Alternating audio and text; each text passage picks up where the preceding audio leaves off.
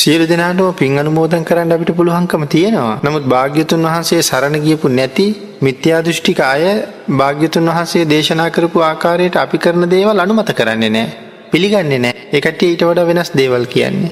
ඒ නිසා මේ වාගේ දෙයක් කරලා ඒගොල්ලන්ට මෙහෙම අපි පින් අනුමෝදන් කළාට සමහරට ඒගොල්ලෝ පිළිගන්නේ නැහැ ඒගොල්ලන්ට පින් හම්බ වෙයි කියලා. අපි බෞද්ධ වැඩපිළිවෙලක කරගෙන යන දේවල් වෙනත් ආගමක කෙනෙක් සතුටින් ශ්‍රද්ධාවෙන් දරන්නේ නැහනේ. ඒගොල්ලෝ ඒක විවේචනය කරනවා ප්‍රතික්ෂේප කරනවා.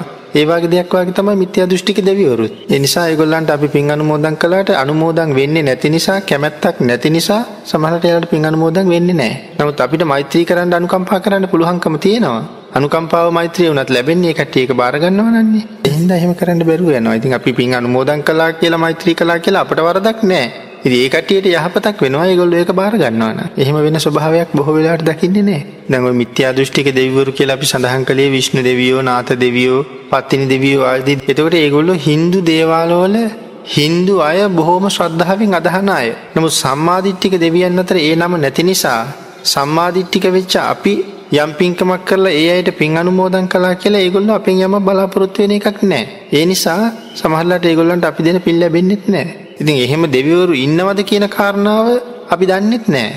මොකද මේ මිත්‍යා දෘෂ්ටිකයි කිව්වේ ඒකනේ. Hindu ආගමේ ඉන්න ඒ දෙවිවරු එහෙම දෙවිවරු ඉන්නවද කියන කාරණාවක් භාග්‍යතුන් වහන්සේ සඳහන් කරලා නැත්තම් අපි දන්නේ නැහැ එහෙම කෙනෙක් ඉන්නවද නැද්ද කියන කාරණාව. විශ්ින් මවාගත්ත සංකල්පයක් වෙන්න පුළුවන් නේක. ඒ නිසා ඉතින් පින් ලබන්න කෙනෙක් ඉන්නවද කියන ගැටලුව එනවා එතකොට. දැන් නාත දෙවියෝ කියලා බොහෝ දෙනා සඳහන් කරන්නේ මෛත්‍රී බෝසතාණන් වහන්සේට. නමුත් එහෙම කතාවක් ත්‍රිපිටකේ කොහෙවත් නැහැ. මෛත්‍රී බෝසතාණන් වහන්සේ නාත දේව නමින් පෙනී හිටිනවා කියලා කාරණාව පිටකේ නැහැ. උන්වහන්සේ මේ වෙනකොට ඉන්නේ තුසිත කියන දිව්‍ය ලෝකේ. පාරමිතා සම්පූර්ණ කරලා ඉවරයි. අපේ බෝසතාණන් වහන්සේ තුසිතේ වැඩ ඉන්න කාලේ සේතකේතු නමින් තමයි ඉපදුනේ. සන්තුසිත කියන නමක් උන්වහසට ආය ලැබෙනවා. කාලයක් එහි ඉන්න වෙලාවේ.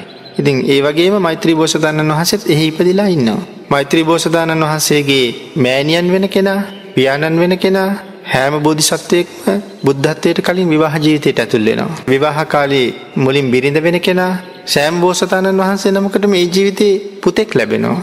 ඒ පුතා වෙන කෙනා අග්‍රශ්‍රාවකයන් වහන්සේලා අසූ මහාශ්‍රාවකයන් වහන්සේලා ඒ සියලු දෙනාම මේ වෙනකොට තුසිත දිවිය ලෝකෙ වැඩ ඉන්න අය. ඉතින් අපේ ධර්මයේ සඳහන් වෙන හැටියට විහාර මහා දේවිය තමයි මෛත්‍රී බෝසතාණන් වහන්සේගේ අම්මා බවට පත් වෙන්නේ. කාවන්තිස්ස රජුරුව තමයි තාත්තා බවට පත් වෙන්නේ.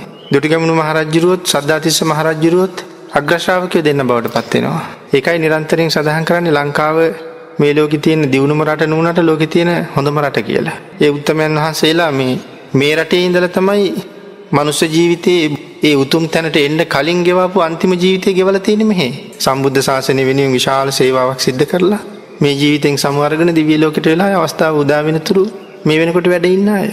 ඒ සියලු දෙනාම සම්මාදිට්ඨිකයි. ඉතින් දුටුගැමුණු මහරජුරුව මේ රට මේ තරම් එක්සේසත් කරලා සම්බුද්ධ ශාසනය සුරක්ෂිත කරලා දිව්‍යාත්මයක් ලබාගෙන සම්මාදිට්ඨිකව මේ ශාසනයේ සුරක්ෂිතතාවය දිහා තාමත් බොහොම සතුටින් බලාගෙන ඉන්නවා.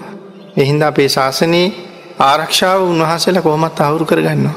ඒක පිළිබඳව කල්පනා කරලා අපිට ලොකු සතුටක් තියෙනවා. සම්මාදිට්ඨිකය මේ ශාසනය දිහා බලන නිසා.